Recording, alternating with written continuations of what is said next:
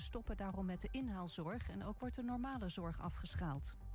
En doordat de coronacijfers hoog blijven, komen er nieuwe maatregelen. Maar welke dat worden, daar is het kabinet nog niet uit. Volgens Haagse bronnen hebben de politici meer tijd en overleg nodig om de nieuwe coronaregels te bepalen. Dinsdagavond worden ze bij een persconferentie aangekondigd. De VN denkt dat de komende klimaattop in Glasgow niet tot het gewenste resultaat gaat leiden. De beloftes die er tot nu toe gedaan zijn door de landen zouden te weinig zijn om rampen te voorkomen. De VN denkt dat de aarde sowieso 2 graden opwarmt als ze niet met meer over de brug komen. Trainer Arne Slot van Feyenoord vindt het verschrikkelijk dat directeur Mark Koevermans is opgestapt omdat hij bedreigd werd. Maar hij denkt dat het geen invloed heeft op de spelers. Hij heeft in elk geval niets aan ze gemerkt tijdens de voorbereiding op de wedstrijd van zondag. Feyenoord moet dan tegen stadsgenoot Sparta. En dan nog het weer. In Zeeland kans op wat regen en vanavond kan het op meer plekken gaan regenen. Morgen veel wind, bewolking en af en toe een bui bij maximaal 14 graden. En tot zover het ANP-nieuws. Waar kan ik een APK laten uitvoeren en meteen een onderhoudsbeurt van mijn auto laten doen? Ik ga altijd naar eh, de Gebroeders van der Mei uit Enschede. Vakmanschap, passie en echte service zijn kernwaarden van Gebroeders van der Mei. Of het nu gaat om eh, APK-keuringen, reparaties, bandenopslag, totaalonderhoud, deuken verwijderen of een nieuwe trekhaak, zij regelen het voor je. Gebroeders van der Mei vind je aan de Lonnekerbrugstraat 80 in Enschede.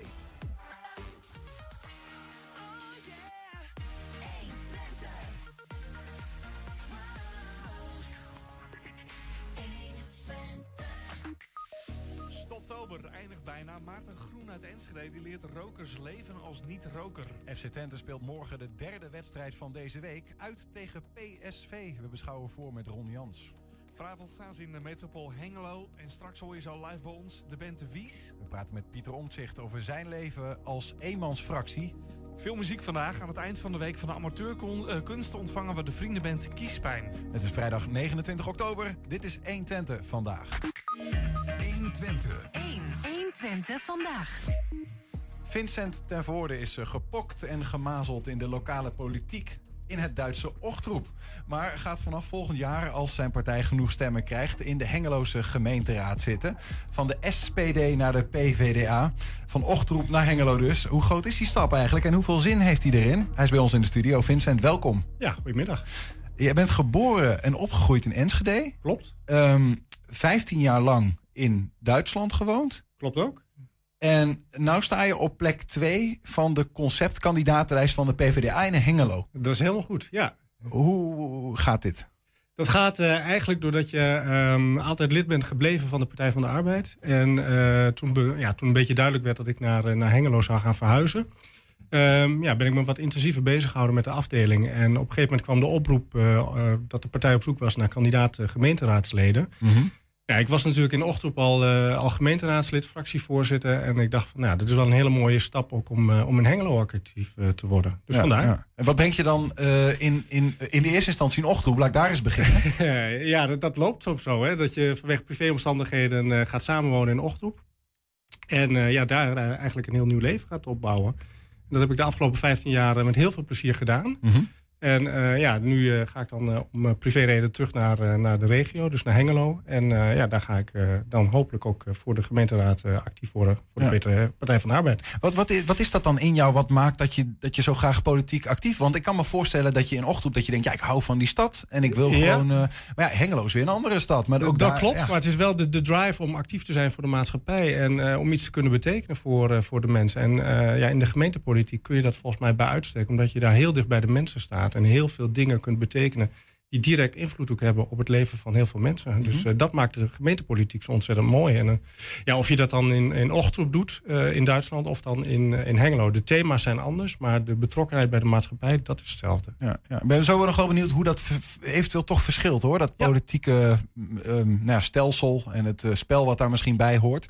Ehm, maar eerst dan even van, heb jij dan dat gevoel van ik wil bij die lokale gemeenschap en bij die politiek betrokken zijn altijd al gehad? Waar, is dat vlammetje gaan branden? Nou, het vlammetje is eigenlijk in mijn studententijd gaan branden. En eh, ik ben toen ook wel wat actief geweest voor de Partij van de Arbeid destijds, bij de jonge socialisten. Maar dan praat ik echt over eh, nou, 20, 25 jaar terug in mijn studententijd. Ehm, en eigenlijk toen ik eh, naar Ochtend ben verhuisd, toen is eigenlijk pas ja, de, actieve gemeentepolitiek begonnen. Ik ben toen op een gegeven moment lid geworden van de, de SPD. Dat is zeg maar de zusterpartij van de, van de Partij van de Arbeid in Duitsland.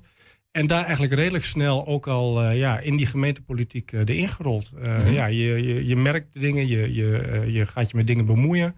En ja, op een gegeven moment ben je dan ook daar lid van de gemeenteraad. Dat ben ik in 2013 geworden. Hoeveel jaren was je toen al bij de SPD? Toen was ik al sinds 2007 actief. Want ik ben een tijdje ook partijvoorzitter daar geweest. Een jaar of zes? Ja, een jaar of zes. Ja. Dus eigenlijk al redelijk snel doorgegroeid. En sinds 2013 uh, ja, raadslid voor de, voor de partij. En sinds 2016 uh, um, ja, fractievoorzitter. Oké okay, joh, dat is best wel snel. Want ik kan me ook voorstellen dat ze denken, waar komt de, deze Nederlandse... Ja, uh, dat, zouden misschien sommige mensen ook wel gedacht hebben. Maar ik had het geluk dat ik met een heleboel mensen heb samengewerkt... die daar heel erg open voor stonden. En uh, heel erg blij waren dat er ook wat impulsen van buiten afkwamen.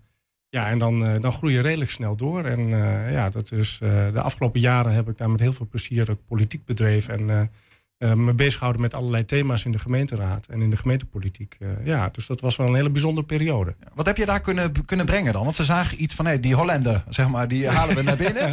Uh, die heeft iets unieks of zo. Heb je daar iets kunnen bijdragen nou, als Nederlander? Misschien omdat ik natuurlijk van buiten kwam. Ik, ik kende natuurlijk de lokale gemeenschap wat minder. En heb die natuurlijk wel redelijk snel leren kennen. Maar je bent wat minder bekend met bepaalde sentimenten. En de SPD is in het Münsterland nou niet een partij die uh, die heel groot is. Uh, daar is over het algemeen de CDU, uh, dus de Christendemocraten, die zijn daar wat groter, wat dominanter. Mm -hmm. um, en ja, de, de, partij heeft een wat underdog-rol. En dat, dat zat er wel heel erg in in Ochtroep, dat ze zoiets hadden van... nou ja, wij zijn eigenlijk maar het kleinere, kleinere, kleine partij in, in, in en in de regio. En ja. dat een beetje losschudden. Dus dat je een beetje ook met, met een andere visie daarin gaat... en op een gegeven moment ook gaat kijken van... nou, hoe kunnen we hier toch hele goede dingen doen vanuit een rol die, uh, met, met, met, wat minder zetels.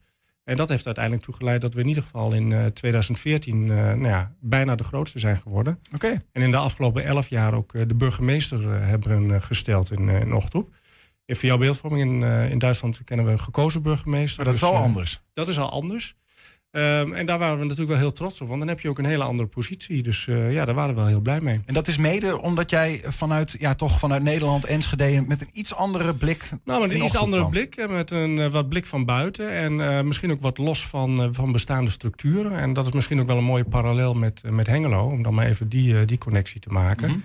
Ja, ik vind het altijd wel goed als mensen van buiten afkomen. Dus dat er een bepaalde soort vernieuwing ook is in de partij en in de fractie.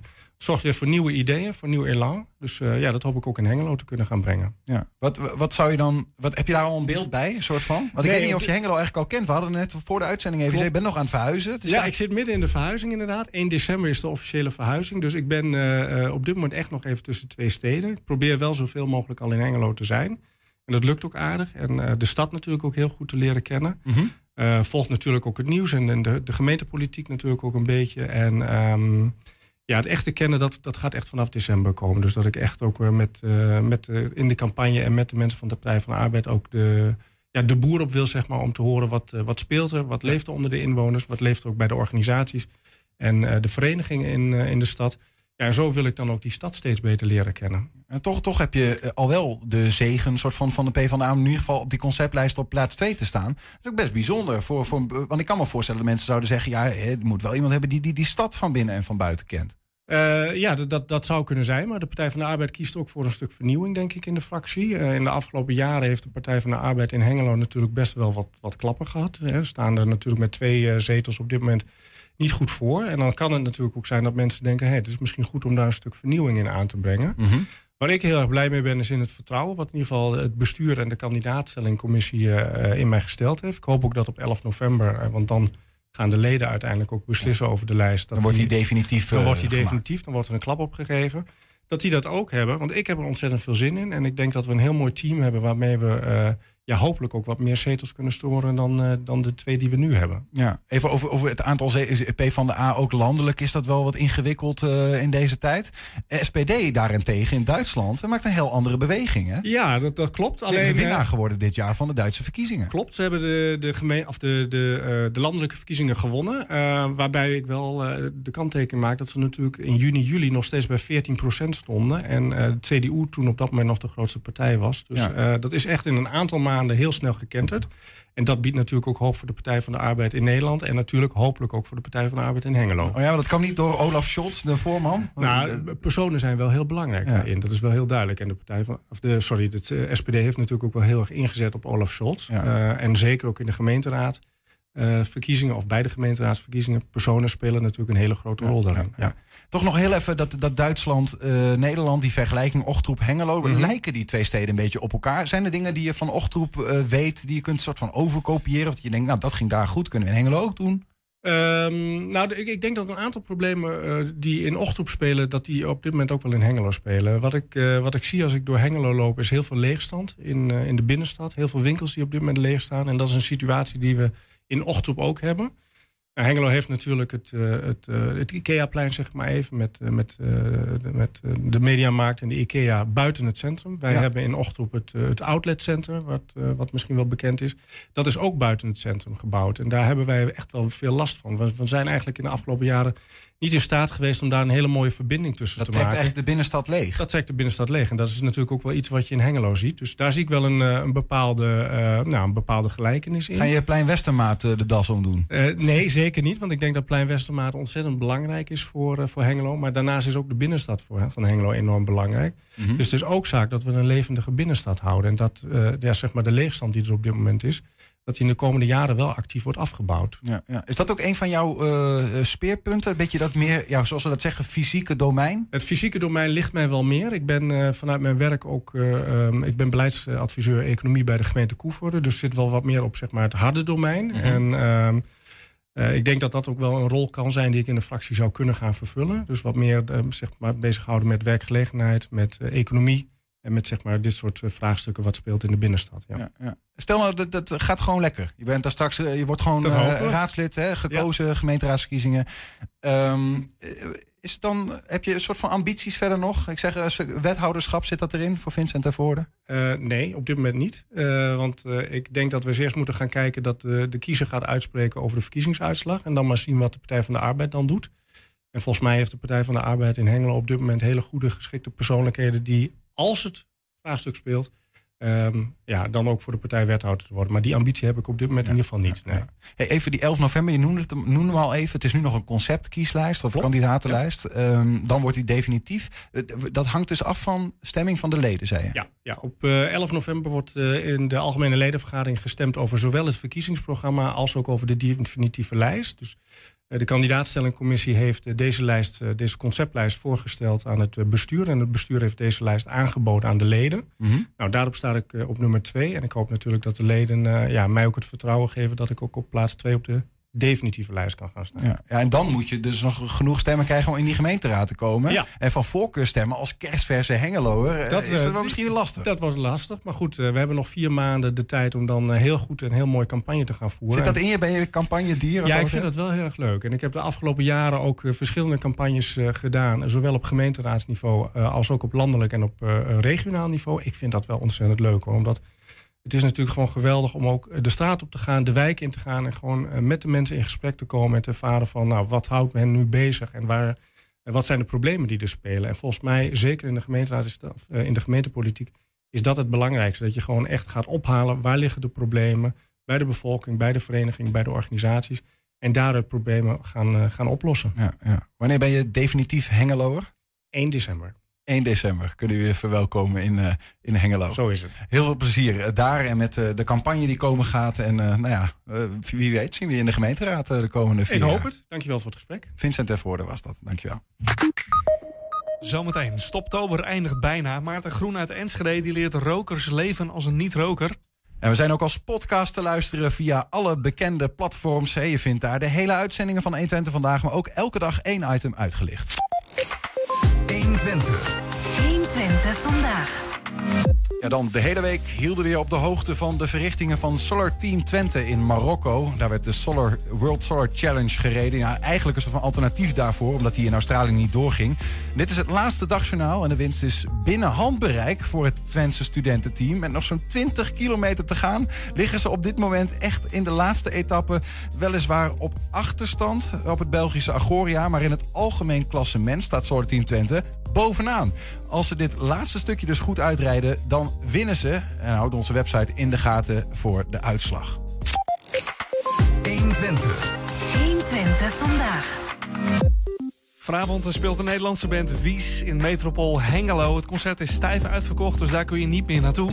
Maar toch hebben we wat exclusiefs voor je geregeld. Want eerder vanmiddag waren ze hier te gast bij ons op de speelplaats van 120... voor een exclusieve live-sessie die vanaf maandag te bewonderen is op de website van 120. We geven je graag een voorproefje. Dit is Wies met Leef. Reis van winter naar zomer seizoen over. De ruis en kleur de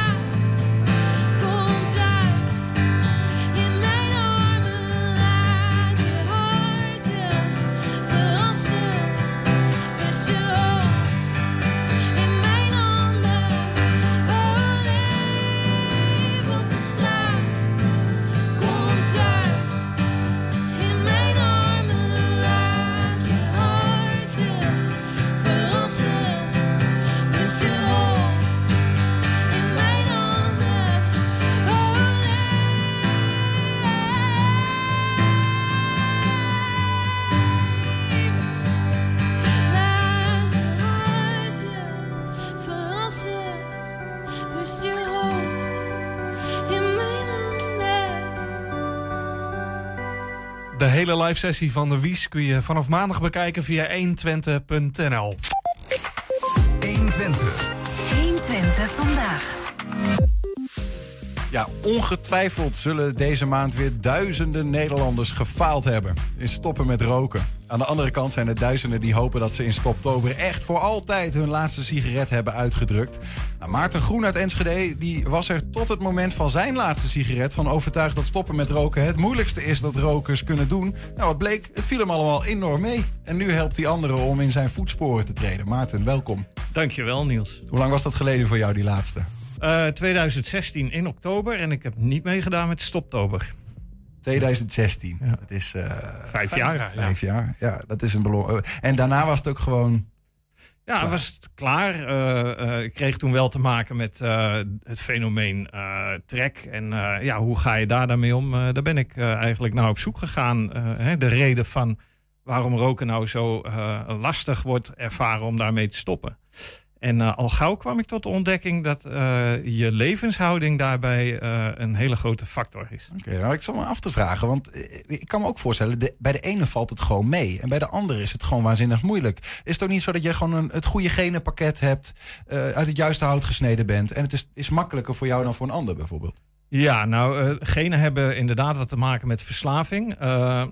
Op het gebied van roken is, ehm, is er toch wel iets anders aan de hand. Want eh, je kunt bijvoorbeeld een eh, avondje doorzakken als je een jaar of 16 bent en eh, nou ja, hè, 20 bier wegtikken, daar flink ziek van worden, maar dan ben je nog geen alcoholist. Met sigaretten werkt dat anders, want die, die zijn zo in elkaar gezet door de tabaksfabrikanten dat je daar eigenlijk na één of twee pakjes gewoon aan verslaafd bent. Ja, ja, want dat is ook één wat ik ging even op je. Je hebt een website, hè, je noemt jezelf de Rookstop Buddy. Ja. Ehm, en daarin zet je ook al van, nou, ik heb de afgelopen vijf jaar ook een soort van onderzoek gedaan. Een aantal vragen stonden daar voor mij centraal. En dit was een van die vragen van die, die tabakslobby. Hoe zit die eigenlijk in elkaar en hoe manipuleert die onze kijk op, op naar zaken? Maar wat heeft dat dan met stoppen met roken te maken? Nou, ik denk dat het, eh, eh, ja, het fenomeen dat roken zo geaccepteerd is in de maatschappij, dat dat wel heel bijzonder is. Want eh, stel je voor, je zou nu de sigaret uitvinden hè, in eh, 2021 en je wil hem op de markt brengen. Dat eh, gaat je niet lukken, want zoveel gifstoffen zitten erin. Dus je komt nooit door die keuring heen. Maar ze Nou, worden weer niet van de markt afgestoten, zeg maar. Dus ze Nee, mogen nee. gewoon blijven. En dat is het bijzondere daaraan. Want eh, ja, goed, het is zo'n grote industrie met, eh, waar zoveel geld in omgaat en zoveel macht speelt, dat ja, er ja, mensen voor vallen. En Mhm. wij het normaal vinden dat onze kinderen beginnen met roken bij eh, de bushalte voor de school. Maar is wat je daarmee bedoelt te zeggen ook van, ja, het is ook een verslaving die niet, eh, totaal niet te vergelijken is met anderen, omdat het zo'n, Nee. eh, zo'n die hele industrie die erachter zit, ze doet er alles aan om je erbij te houden. Ja, ja dat zie je ook. Hè. Als je kijkt naar, nou ja, voorheen, we hebben nu de, de anonieme pakjes in een groen kleurtje.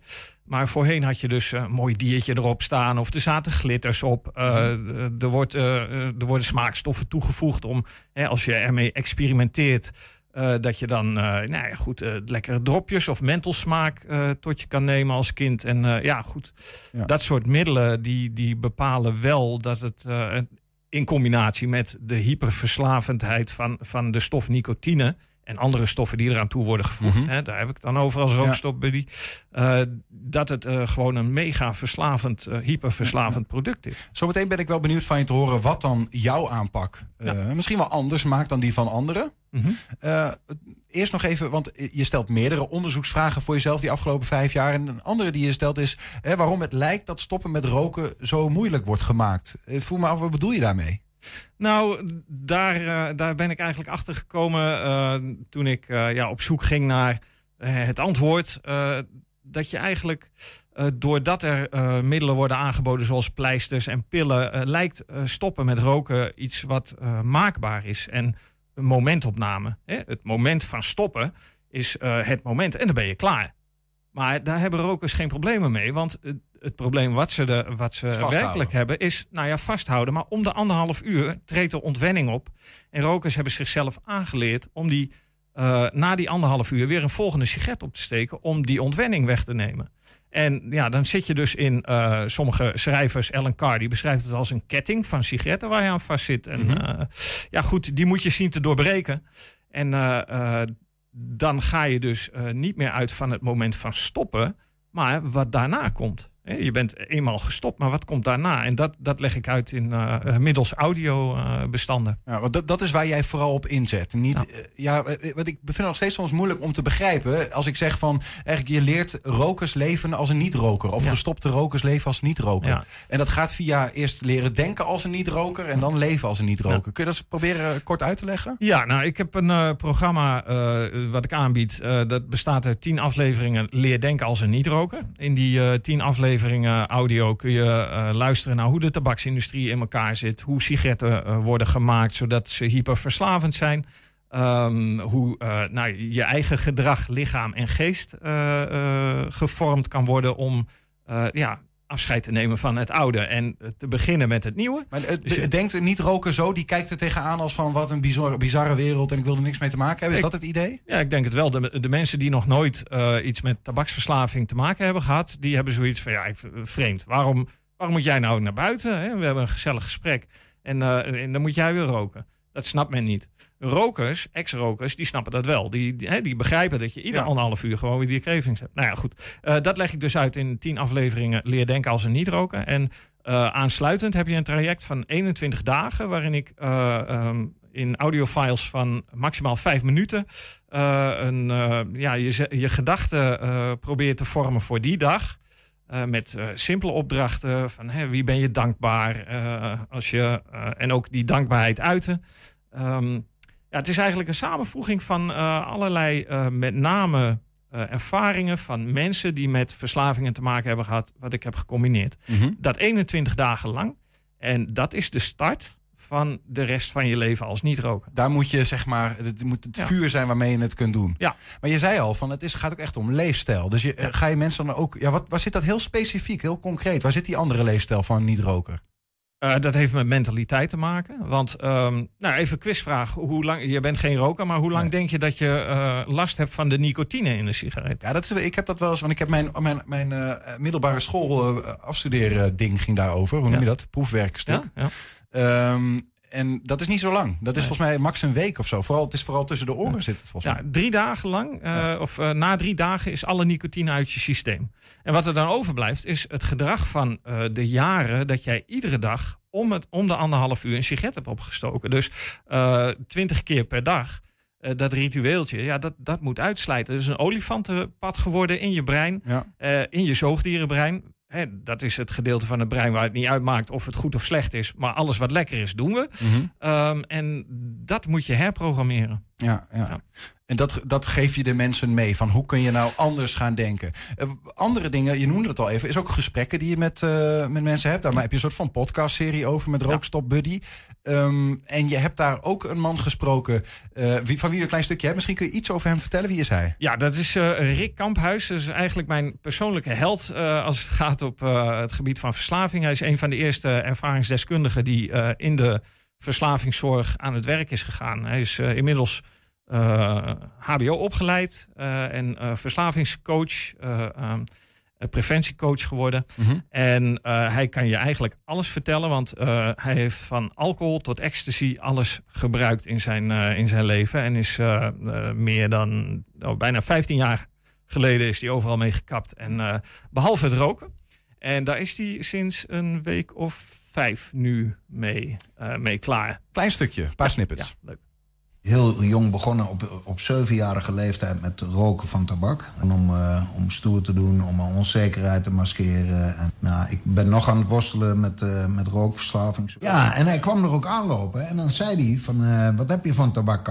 Hè? En ik zei, nee, ik rook niet. Hè? En, nee, nee, zegt hij. En liep hij weg. En dat was alles. Hè? Door verslavingsdeskundigen ook gezegd. Hè? Dat eigenlijk roken de moeder is, hè, dus nicotineverslaving, de moeder van alle verslavingen. Nicotineverslaving, de moeder van alle verslavingen. Zo heeft hij dat dan ook, wat je eigenlijk zelf ook al. Hè? Ja. Van, eh, ehm, wat, wat heb je vooral van hem geleerd? Eh, mentaliteit. Ehm, eh, hij, hij heeft het in, eh, in deze opname ook tegen me gezegd. ehm, van, hij zegt van het probleem bij roken is dat je eh, de lange termijn eh, het overzicht heb je niet. Hij Mhm. zegt van als ik weet, als ik nu weer eh kook ga bezen, hè, dus ga gebruiken, dat ik binnen een maand gewoon in de goot lig. En bij roken gaat het heel geleidelijk. En dat is ook de macht van, van het spul, hè, van het product. Ja. Dat je niet direct lijdt aan longkanker of COPD of noem maar een ernstige ziekte. Die ik overigens niet noem, want ik doe niet aan angstzaaien. Dat is Mhm. voor de industrie weggelegd. Eh, maar hij zegt van ja, weet je, eh, dat is het grote verschil. De langere termijn, je gaat niet direct dood aan, eh, aan sigaretten. Tot slot, Maarten, hoeveel mensen heb je al kunnen helpen, denk je? Ik zit nou, ik begin net, maar op ongeveer 50 personen. En, en daar heb ik ongeveer de helft van, die ik nog terug heb gehoord, eh, die zeggen van het heeft me geholpen. Of op de een of andere manier. Ja, Misschien niet ja. direct, maar het gaat dus om de, om de leefstijl wat daarna komt. Er komt binnenkort een boek uit, het Rook Stop Buddy notitieboek. En daar kun je mee, eh, mee aan de slag. eh, nou ja, volgens eh, de principe van, eh, het principe van de audio's. Duidelijk. Maarten Groen, dank voor je komst en succes met je missie. Jullie bedankt. Dankjewel. Straks praten we met Pieter Omtzigt over zijn leven als eenmansfractie in de Tweede Kamer. 120. 120 vandaag. FC Twente maakte zich op voor eh, de derde wedstrijd van de week. Na NEC thuis afgelopen zondag in de midweekse bekerronde tegen OSS 20 afgelopen woensdag. Wacht morgenmiddag de uitwedstrijd tegen PSV. En zo gaat het team van Ron Jans een ontmoeting eh, tegemoet met een ploeg eh, van na de derde divisie nu één. Een echte topploeg uit de eredivisie. In hoeverre ehm, kun je dit een week van uitersten noemen? Nou, in mijn ogen valt dat wel, eh, wel mee. Eh, dus dus ver- verklaar wat je er. Nou, dat komt misschien een beetje omdat we dat in het interview voordat jullie tegen OSS 20 speelden, dat je ook zei, die moeten we winnen. Deze kun je verliezen. Ja, nee, als je kijkt. Maar dat, dat, is, dat is gewoon pure logica, denk ik. Hè. Als je tegen een eh, ploeg speelt uit de derde divisie voor de beker... Ja, dan moet je gewoon winnen. En eh, het is ons ook niet gelukt om dat eh, heel snel te beslissen... en heel soepel te doen, zoals een heleboel clubs dat hebben gedaan. Maar het is een... ja, we, we hebben gewonnen en we zitten volgens mij zaterdagavond, is pas de loting... En dan zitten we in die koker en dat, dat, dat is de bedoeling. Nu ga je tegen een, een topclub in, eh, in Nederland. eh, die eh, bij de bovenste drie, twee zullen eindigen. Ehm, ja, dan ben ik wel heel benieuwd eh, hoe we ons daar kunnen meten. Want tot nu toe eh, doen we het in de competitie uitstekend tegen de, de ploeg, ploegen bovenin.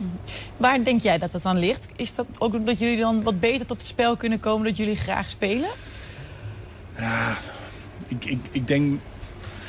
Ja, ik, ik vind dat een hele eh, lastige. Ehm, eh, het lijkt erop dat als wij het spel moeten maken... en een tegenstander wat meer eh, verdedigend speelt... dat wij er wat moeizaam doorheen komen. Alleen als ik dan kijk naar onze thuiswedstrijden tegen eh, eh, Willem II en NEC... heb ik...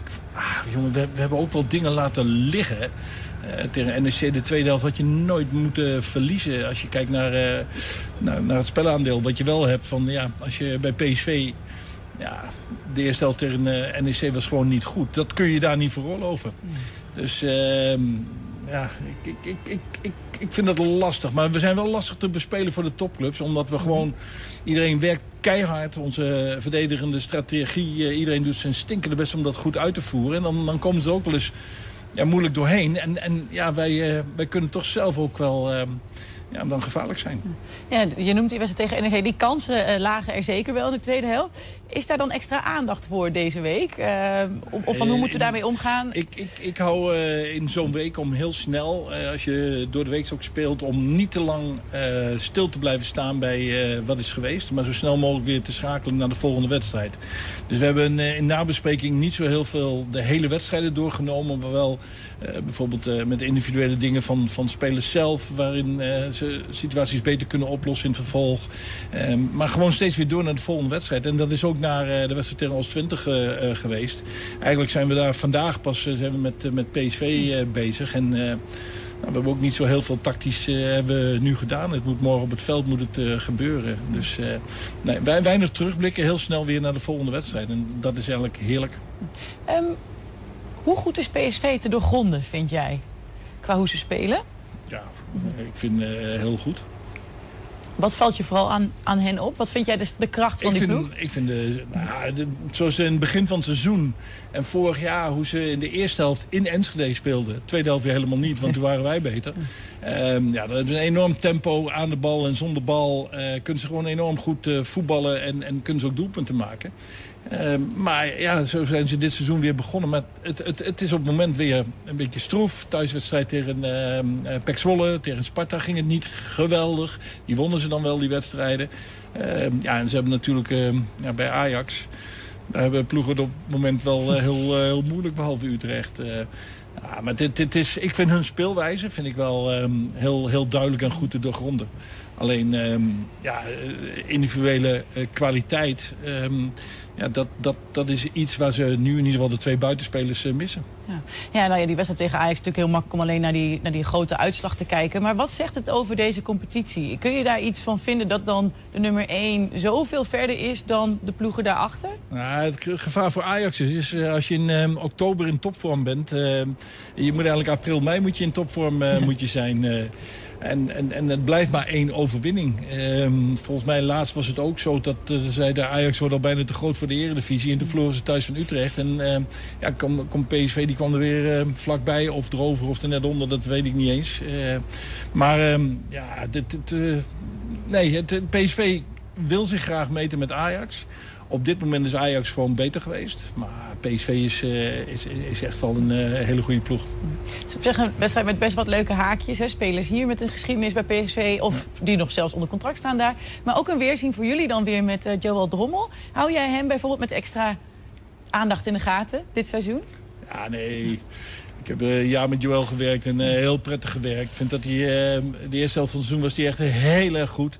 De tweede helft was het misschien, in sommige wedstrijden was het wat, wat, wat wisselend. Maar over het algemeen en heerlijk met hem gewerkt. Fijne jongen. Maar ik hoop wel dat hij morgen toch een beetje ja, de prikkels en, en ook de druk bij een topclub. Maar ook als je het in je oude clubje speelt. Eh, als, als Joël een beetje eh, zenuwachtig is, zou ik dat helemaal niet erg vinden. dat komt jou er wel goed uit. Van morgen in ieder geval. Ja, alleen eh, als wij winnen dan hoop ik dat het niet door een fout is van Joël. Maar dat het door een goede actie van, van ons is.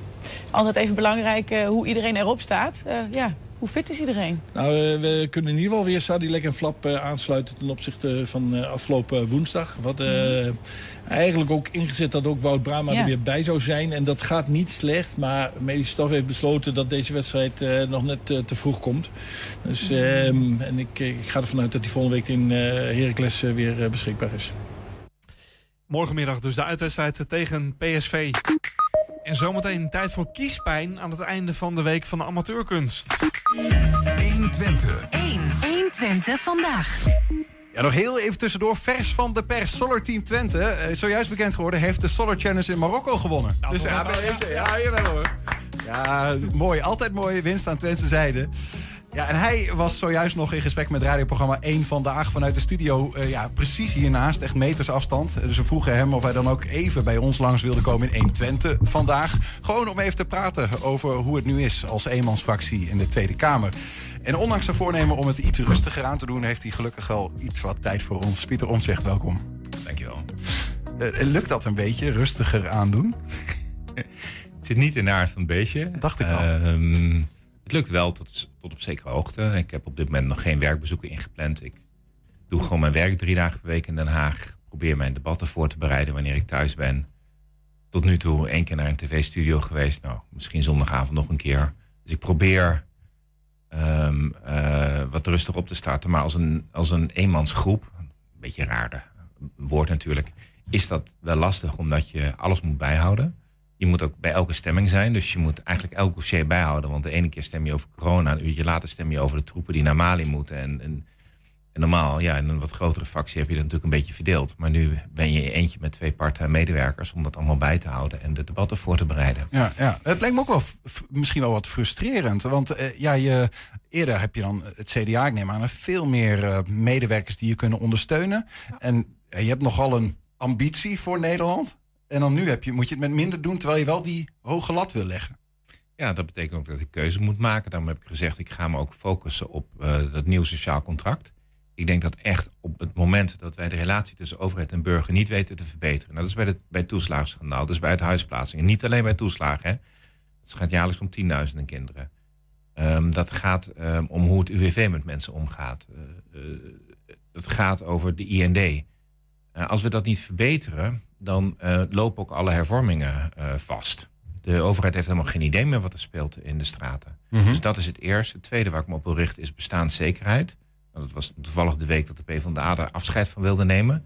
Bestaanszekerheid. Ja, ik bedoel, kunnen mensen rondkomen van een baan op minimumloon? Dat was het ooit voor bedoeld. Dat is bijna onmogelijk. Tenzij je een goedkope huurwoning hebt. En met die hoge gasprijs, dat helpt ook niet mee? Nee, dus ik ben toevallig ook de eerste die vandaag vraag stelt over welkom dat omgevallen is en waar mensen nu 2,5 keer zoveel moeten betalen. Ik heb mensen in de mail die moeten van 200 naar 500 euro gaan per maand. Mhm. Dat is voor heel veel mensen echt wel onmogelijk. Ehm, en als derde wil ik mij ehm, richten op de, op de wooncrisis. Ik, eh, het, het is echt van de zotte dat, wij, dat de regering niet eens wil zeggen hoeveel huizen ze willen bouwen. En eh, hoe ze uit deze eh, woningnood gaan komen. Vroeger in de jaren 60 toen we een woningnood hadden, toen had je gewoon programma's. Dat je zei van, wij willen 85.000 betaalbare woningen per, eh, per jaar bouwen. Soms ook nog een subsidie voor, voor mensen die een eerste koopwoning willen kopen. En stapje bij stapje los je zo'n crisis op. Maar er is toch wel een soort van eh, stip aan de horizon, hè? Dat bouwen, bouwen, bouwen met een, geloof een miljoen huizen over tien jaar of zo. Is dat niet eh, ooit genoemd? Zoiets dergelijks? Oh ja, het wordt wel genoemd. Dat is net zoiets als ik wel kan zeggen dat ik een man op de maan wil hebben. Maar als jij een miljoen woningen wilt hebben, dan moet je zeggen van... Oké, en hoeveel bouwen we er volgend jaar en het jaar erop? En hoe komen we aan die 1 miljoen? En als je een miljoen woningen wilt hebben, dan, dan kan dat niet allemaal binnenstedelijk. Hè? Je kunt hier, nou, tussen Enschede en Glanenbrug is misschien al een beetje ruimte... maar dan zul je ergens wat groters moeten doen. Ga je een nieuwe polder aanleggen? Ga je rondom Almere is nog best wel wat ruimte om, om wat groters te bouwen. Ga je ergens een paar echt grote uitbreidingswijken doen. Ja. Dat moet je voorbereiden. Het bouwen zelf kost natuurlijk geen zeven jaar, maar de voorbereiding Ja. van. Maar ben ik nou gek als ik denk, ja, in Den Haag zitten best veel mensen. Die mensen zijn allemaal niet zo heel dom, denk ik. Eh, die denken toch wel na over hoe ze dat dan gaan doen. Of zie je dat echt in Den Haag soms gebeuren dat je denkt, ja, het is gewoon geen goed, er is geen plan. Er is geen plan. Eh, Ik heb het er nu meerdere keren om gevraagd bij Rutte: van waar blijft jouw plan? Dan hoef ik het niet 100% eens te zijn met het plan, maar er is geen plan. Maar dat kan toch niet? Dat, is toch, ik, dat vind ik heel raar om te horen. Nou, maar dat is precies waar ik me boos om maak. Ik bedoel, je kunt mij vragen, maak jij het plan? En dan zeg ik van ja, we hebben nou ministeries voor. En niet die twee part-time medewerkers van mij. Ik kan niet in mijn eentje de hele, hele wooncrisis gaan oplossen. Mhm. Dat was ik ook niet van plan. En eh, dat plan, dat wil ik graag zien van de regering. Nu zeggen ze, ja, dat is een nieuw kabinet. Dat is ook het leuke. hè. Het oude kabinet zit er nog en is demissionair wanneer het uitkomt... en missionair wanneer het uitkomt. En het nieuwe kabinet is waarschijnlijk precies hetzelfde als het oude kabinet... maar tot ze, tot ze weer nieuw zijn, mogen wij ze niks vragen. Nou, echt om, om je kapot te schamen. Dat mag een maandje, maar dat kun je niet drie kwart jaar in Nederland aandoen. En dat is nu wel wat er gebeurt. Ja, ja. En ehm, ja, eh, een jaar missen in de wooncrisis betekent dat al die mensen thuis blijven wonen. En ja, eh, daar zul je toch echt wat aan moeten gaan doen. Ja. Nog even, want je noemt eigenlijk van ja, het is choose your battles. Hè? Je hebt er drie Ja. genoemd, drie speerpunten. Eh, ik kan me ook voorstellen dat het. eh, ja, je hebt volgens mij minder spreektijd in de Tweede Kamer als je gewoon in je eentje bent. Dat dat soms ook wat ingewikkeld is. Nou, Ja. op 12 oktober heb je bij het debat eigenlijk gesproken mede namens Volt. En wij vroegen ons af, geeft dat dan ook meer spreektijd als je ook mede namens Volt? Nee, helaas niet. Dat is Nee, vervelende. Dat was niet de strategie op dat moment. Nee, nee, nou, de, de, de spreektijd in de commissies heb je gelijke spreektijd. Als het wetgeving is, heb je ook. Maar alleen als het eh, die algemene debatten zijn, dan krijg je echt minder spreektijd. En bij begroting ook. Nou, bij begroting is het heel simpel. Ik doe niet aan alle begrotingen mee. Het is maar even zo. Anders ben ik gewoon eh, zeven weken lang niks anders dan morgens vroeg, van 's morgens 11, nooit vroeg, maar tot 's avonds 1 uur in de Kamer. En dan zou ik elke dag een andere begroting moeten kennen. Dat, dat gaat echt niet lukken. Dus dat lukt nog wel. Nou, en ja, het is voor mij een goede oefening om dingen wat korter en bondiger te zeggen. Maar op een aantal dossiers ben ik aan het samenwerken. Dus ik ben eh één keer met Ja 21 eh, een aantal dingen samen gedaan. Met de ChristenUnie een keer. Met Volt. ehm, Is dat een soort van eh, ook iets wat u in Den Haag wil, meer wil verspreiden? Dat mensen het op die manier aanpakken? Ja, Je kunt niet met z'n 19 allemaal hetzelfde verhaal gaan houden. En ik, ik denk dat wij onze werkwijze moeten veranderen. Wij zijn heel veel tijd kwijt aan algemene debatten over corona of over de begroting. Maar de wetsbehandeling is niet precies. En zo'n wet die hoef je niet met 19 man te behandelen. Dat kun je ook twee of drie rapporteurs. Dat gebeurt in elk parlement in Europa. Dat iedereen komt een keer aan de beurt. Dan moet je zo'n wet heel grondig doorkijken en behandelen of die klopt. En nu denk je dat ze alle 19 doen, maar het alle 19 niet goed. Ja. En zo zag je dat ik de afgelopen weken twee keer een wet op de agenda gezet heb die niet iedereen wilde behandelen. Dat was die wet over het stembiljet en de wet over de verlaging van de kinderbijslag. En toen behandelde iedereen hem wel. Maar de wetsbehandelingen laten we dan lopen, terwijl we constant algemene debatten aan het doen zijn. Maar dan mis je dus van, klopt de wetgeving wel? Nou, we hebben gezien, als er ook maar kleine fouten in de wetgeving zitten, en dat zag je bij het kinderopvangtoeslagschandaal, dat kan enorme gevolgen hebben voor mensen. Dus eh, eh, dat is heel precies werk, wetgeving. En dat is eigenlijk de kerntaak. Dus ik heb ook gedacht van, nou ja, als ik dingen moet laten lopen en dingen wel en niet doen, wetgeving is mijn kerntaak. Nou, en dan maar een keer even iets minder hier. Maar ja, goed, ik kon hier weer niet naar buiten lopen zonder dat ik naar binnen getrokken werd. Ja, Dat, precies. eh, Nee, ja, ja, ja, ja, goed, ja. zo zijn we dan ook alweer. Precies, want daar nog even over. Eh, U zat net bij één, twee- of bij één vandaag. Ja, bij 120. Ja, Ja, dit is 120 vandaag. Eén deurtje verder is één vandaag. Eh, waar ging dat over dan? Vandaag? Dat ging vandaag over de Belastingdienst. Er zitten een paar dingen die misgegaan zijn. Natuurlijk die zwarte lijsten. Dat weten we anderhalf jaar. Daar heb ik anderhalf jaar geleden voor het eerst naar gevraagd. Maar vandaag is de autoriteit persoonsgegevens met een vernietigend rapport gekomen. Over dat 275.000 mensen op die zwarte lijsten beland zijn. Het zogenaamde FSV-systeem. Op die zwarte lijsten kon je komen bijvoorbeeld omdat er een kliksignaal was. Dus je buurman had gebeld. Bijvoorbeeld omdat de gemeente iets uitgevraagd had. Je hebt een bijstandsuitkering en de gemeente vraagt zijn er nog andere inkomsten. Ehm, en als je op die lijst stond, dan werd je vaker eh, gecontroleerd. Maar het kon ook nog erger. Als je bijvoorbeeld zei in, in, de, in de financiële problemen zat. En je had een schuldsaneringstraject nodig. dan werd dat schuldsaneringstraject geweigerd. En dan werd alles in één keer ingevorderd. En dan sta je met je rug tegen de muur. Dan kun je huis uit. En dat is bij 5.000 tot 15.000 mensen gebeurd.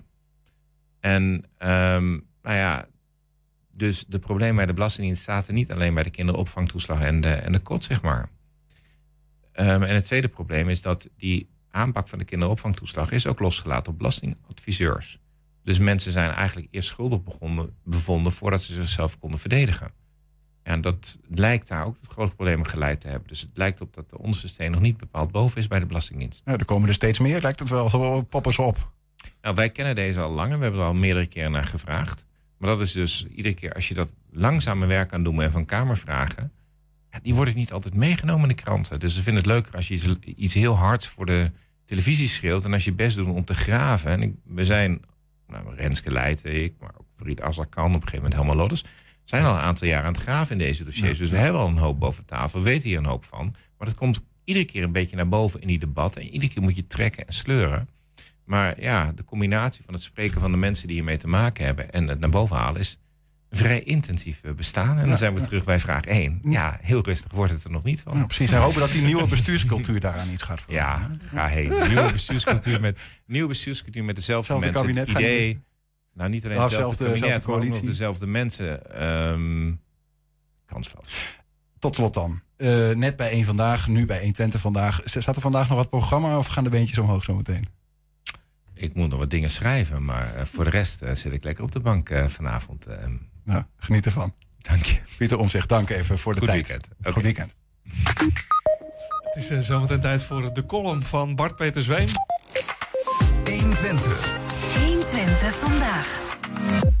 Dan, het is de laatste dag van de Week van de Amateurkunst. Tenminste, wat de optredens bij 120 betreft. Bij ons is een band die is ontstaan vanuit een eh, vriendengroep op de middelbare school. Inmiddels zitten ze daar al lang niet meer op, maar de muziek houdt hen bij elkaar. Over hun bandnaam moet ik straks maar eens even wat vragen stellen. We gaan eerst luisteren met What Did You Mean When You Said Love is hier. Kiespijn.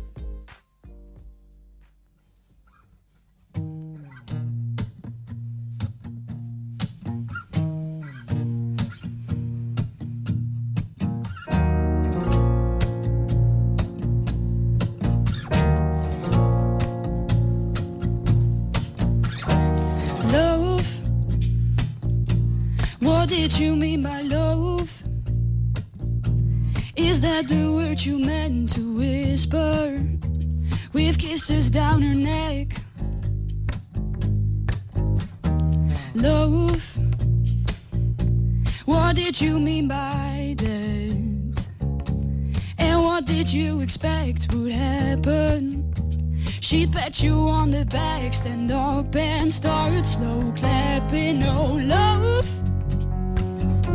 What did you mean by love?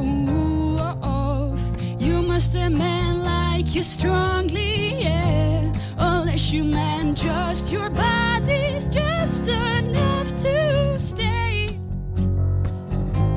but not enough to fall. It must have like to know. What did you mean by love?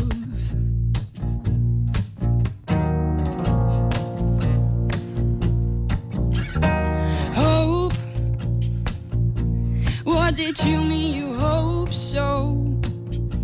Did you mean you were less than likely for Edinburgh your heels because your heart was just not there? That's what you could have said, yeah, yeah. No hieroglyphics to decipher. No pat you on the back because your heart was just not love. What did you mean by love?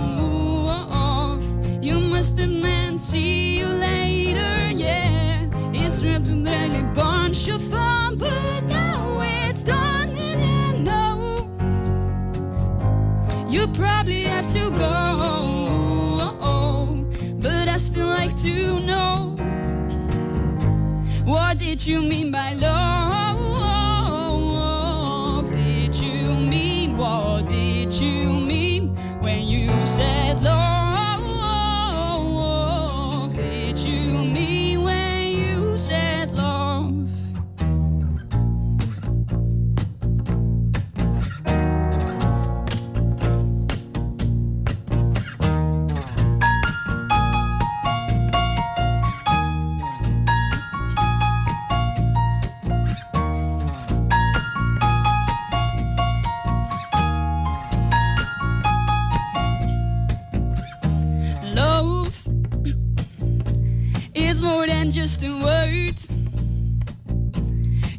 Thought that you could test the waters, dropping the atom bomb. Well, now the water's turning red, and all the fish are dead, floating around my head with all the other things I could have said to make you see just what you mean to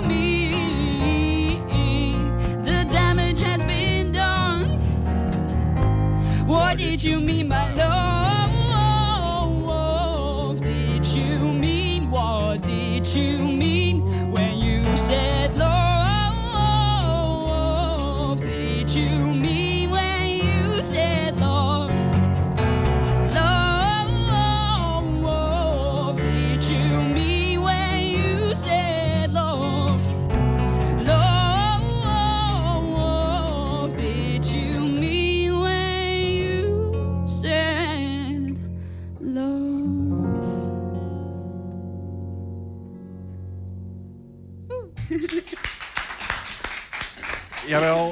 Kalle Ordelman op eh, basgitaar en zang. We hebben Domien Verbeek hier op eh, de toetsen en een stukje zang. En we hebben eh, Max Risacotta met eh, de gitaar. Thanks, eh, alle drie. Eh, een stukje van de band Kiespijn. Ja. Eh, want hoeveel eh, zitten er nog bij eigenlijk die we niet zien nu? ja, we zijn normaal met zeven. En we hebben eigenlijk een blazers- eh, en strijkerssectie. Die noemen we de blakers. Eh, Want? blazers en strijkers samen Oh, zijn de blakers. Ja. En eh, een drummer hebben we nog. ehm, en nog, eh, nog een andere zangeres. Dus dit is echt een afvaardiging van de band. Maar wacht even, zijn jullie dan, Domien, eh, ook die anderen allemaal vanaf dezelfde school ooit Ja, gekomen? Zeker, ja. Allemaal eh, van het Kottenpark hier in Enschede. Eh, daar deden we ook allemaal samen een extra muziekklas. En eh, ja, toen zijn we eigenlijk, toen we klaar waren met school... Dat was de hele klas zo, zo had. Ja, eigenlijk meerdere jaren bij elkaar. En eh, toen we klaar waren met school zijn we eigenlijk nooit gestopt met muziek maken. En toen op een gegeven moment dachten we van ja, waarom maken we er dan maar geen band van? eh? en daar zijn we nu mee begonnen. Waarom maken we er maar geen band van? Maar ondertussen, eh, Max, zijn jullie overal en nergens naartoe. Want het Kottenpark is hier in Enschede middelbare school. Maar eh, nu allemaal vervolgstudies eh, her en der in het land, of? Ja, klopt. Ja, sommige de mensen die, eh, die zijn al gaan studeren. Eh, ik eh, woon zelf nog thuis in Enschede. Dus ja.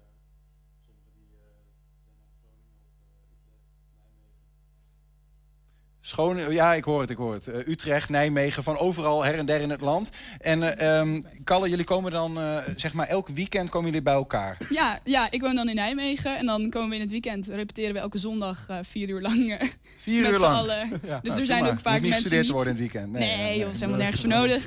Muziek is veel belangrijker. Ja, mooi. Hey, het moet nog even één ding helder krijgen... voordat jullie jullie volgende nummer gaan spelen. Die bandnaam, Kiespijn. ja, Ja, er, is, er was lang over nagedacht. Ja, dat was En- eigenlijk het hele punt. We konden Precies. niet. We hadden kies. Ah! Ja. hij is eh, wederom dubbelzinnig. Precies. Ja, ja, ja. Hoort erbij, hè? Ja, kiespijn. Ja, dat wordt nog wat als straks eh, gemeenteraadsverkiezingen eraan komen. Dan krijgen mensen dat ook weer, denk ik. Ja. Ja, precies, dan is die ook... eh, Jullie zijn een band van zwevende kiezers. Ja. Precies. Jullie gaan eh, nog één nummer voor ons eh, spelen. Yes. Vertel eens wat eh, erover, Kalle. Ehm, nou ja, dit was een, eh, het is een cover van een cover die we spelen. En ehm, we vonden dit nummer wel, het past een beetje bij de stijl die wij normaal we spelen. Een beetje pop, funk-achtige, beetje jazz-invloeden. Dus daarin paste dit heel goed. Dus dachten we, nou, dan gaan we dit eh, voor jullie spelen. Een cover van een cover. En de titel van het nummer is Habits. Klopt helemaal. Hier zijn ze weer. Kiespijn. Daar gaan we zo naar luisteren. Er wordt er even een beetje omgeplucht op dit moment. Even wat eh, vervangen. Yes.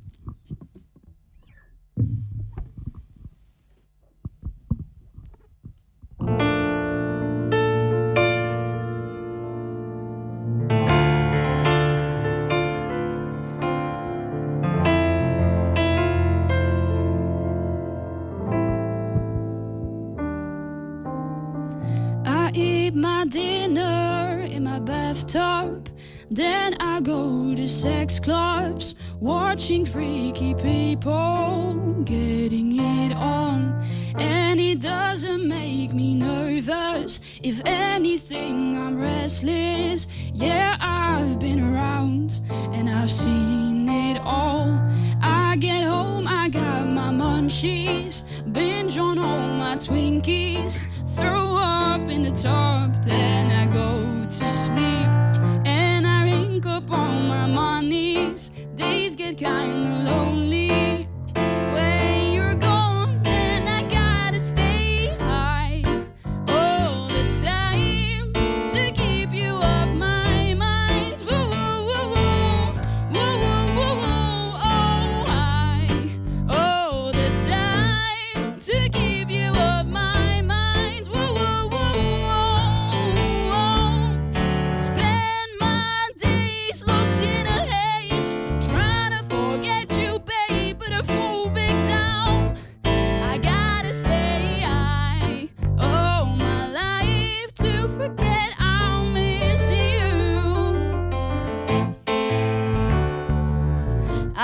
Pick up daddies at the playground. That's how I spend my days now. Losing up the frown, make them feel alive. Make it faster, make it greasy. I'm on my way too easy, but you're gone and I gotta stay high all the time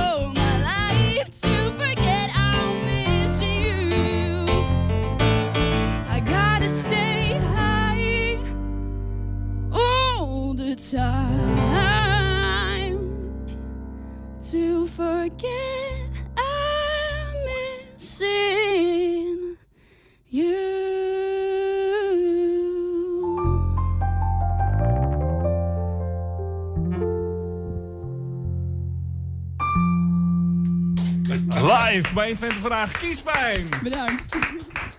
supergoed, hè? Ja, Ja. supergoed. Ehm, dan eh, nu na kiespijn eh, krijg je Bart Peter Zweem voor je kiezen... met praktijken die niet door de beugel kunnen. Het is tijd voor de afsluitende column van vandaag. Beste luisteraar, zoals altijd is mij weer gevraagd om een column te doen over iets actueels. Zoals de vraag welke nieuwe coronamaatregelen er zouden kunnen komen. Of het gedoe rond Facebook of inflatie of over de formatie of stikstof, bla bla bla. Ik wil het helemaal niet over die dingen hebben. Ik wil daar juist even niet aan denken. Ik wil afleiding. Ik zit al hele dagen op internet om gewoon kattenfilmpjes te kijken. Ik binge series op Netflix. Mijn vriendin en ik kijken nu naar Marie Kondo. Voor de mensen die het niet kennen, Marie Kondo is een Japanse dame en die helpt mensen om hun huis op te ruimen. Wat is er dan zo bijzonder om op te ruimen? Helemaal niks bijzonders, gewoon normale rommel. Tenminste in ieder geval wel in seizoen 1, want daar zijn we nog. Er gebeurt eigenlijk geen ene reet in dat programma. Mensen die oude t-shirtjes uitzoeken van de Amerikaanse versie van de Zeeman. Dat is het. Omroep Max is spannender. Er wordt door Marie Kondo uitgelegd hoe je een handdoek moet vouwen. Dat is het. Ik weet nu hoe ik de inhoud van mijn keukenla op type zou kunnen sorteren. En dat ik mijn boeken wakker moet kloppen voordat ik ze de papierbak in kan flikkeren. En dat vind ik allemaal fantastisch. De hele essentie is Does it spark joy? Ofwel, word je van iets blij? Zo niet, flikker het dan weg. Maar pas nadat je het ding oprecht bedankt hebt. Dat is toch fantastisch? Kunnen we dat niet meenemen in ons hele land, in onze politiek? Ik wil Marie Kondo als premier. Dat ze eerst even knielend op de grond heel Nederland begroet. Dus het land zelf, niet de inwoners. En vervolgens gaat ze het land door en moeten wij alles laten zien. Alle rommel, alles wat weggestopt is. De Komono als laatste. De wat? De Komono, de losse rommel. En overal moeten we eventjes stil bij staan, even bekijken, even vasthouden. Worden we hier blij van? Bij alles. Ik noem maar iets. Intensieve bio-industrie. Worden we daar blij van? Zo niet, dan weg ermee. Uitkopen die hap. Maar eerst dankbaar zijn. Boeren hebben zich voor ons uit de naad gewerkt. Wij hebben supergoedkoop vlees gehad. Er is veel geld verdiend aan de export. Dat wilden we allemaal. En dat hebben we gehad. Dank jullie wel. Maar nu mag het weg. Zo, politiek opruimen met Marie Kondo. Nee, Mark Rutte. Worden we blij van Mark Rutte? Hou hem even vast. Wat voor gevoel krijg je? Worden we er blij van? Zo niet, dan mag hij weg. Maar eerst dankbaar zijn. Die man heeft keihard gewerkt. Nederland heeft gevraagd om liberaal beleid. En dat heeft Mark ons gegeven, Mark Rutte. Dank je wel, maar nu mag je weg. Zo, dat is toch veel sympathieker dan al het gezeik op die man. En dat kan met veel meer. Neem de provincie Friesland. Worden we blij van de provincie Friesland? Zo niet, dan mag het weg. Dank voor de Elfstedentochten. Superleuk, dag Friesland. Maar ook buiten de politiek, overal kunnen we opruimen. Wordt u bijvoorbeeld blij van mijn column? Zo niet, dan mag ik weg. Maar eerst dankbaar zijn. Ik hoor wel waarvoor. Maar als u het niet erg vindt, ga ik er weer van tussen. Want ik heb thuis nog wat handdoeken die ik moet vouwen. Dankjewel Bart en eh, tot ziens. tot zover even 120 tussen, vandaag. Terugkijken kan direct via 120.nl. Vanavond om 8 uur en 10 uur via tv. En vanaf half 6 kun je op 120.nl genieten van de laatste optredens in de week van amateurkunst bij 120. Veel plezier en een goed weekend. Goed weekend. 120. Weet wat er speelt in Twente. Met nu het nieuws van 5 uur. Ik ben Ingrid Anne Broersen. Goedemiddag. Het kabinet trekt ruim een miljard extra uit om gedupeerden van de toeslagenaffaire te compenseren. Het grootste deel is bedoeld voor ex-partners en kinderen. Zo kunnen kinderen tussen de 2 en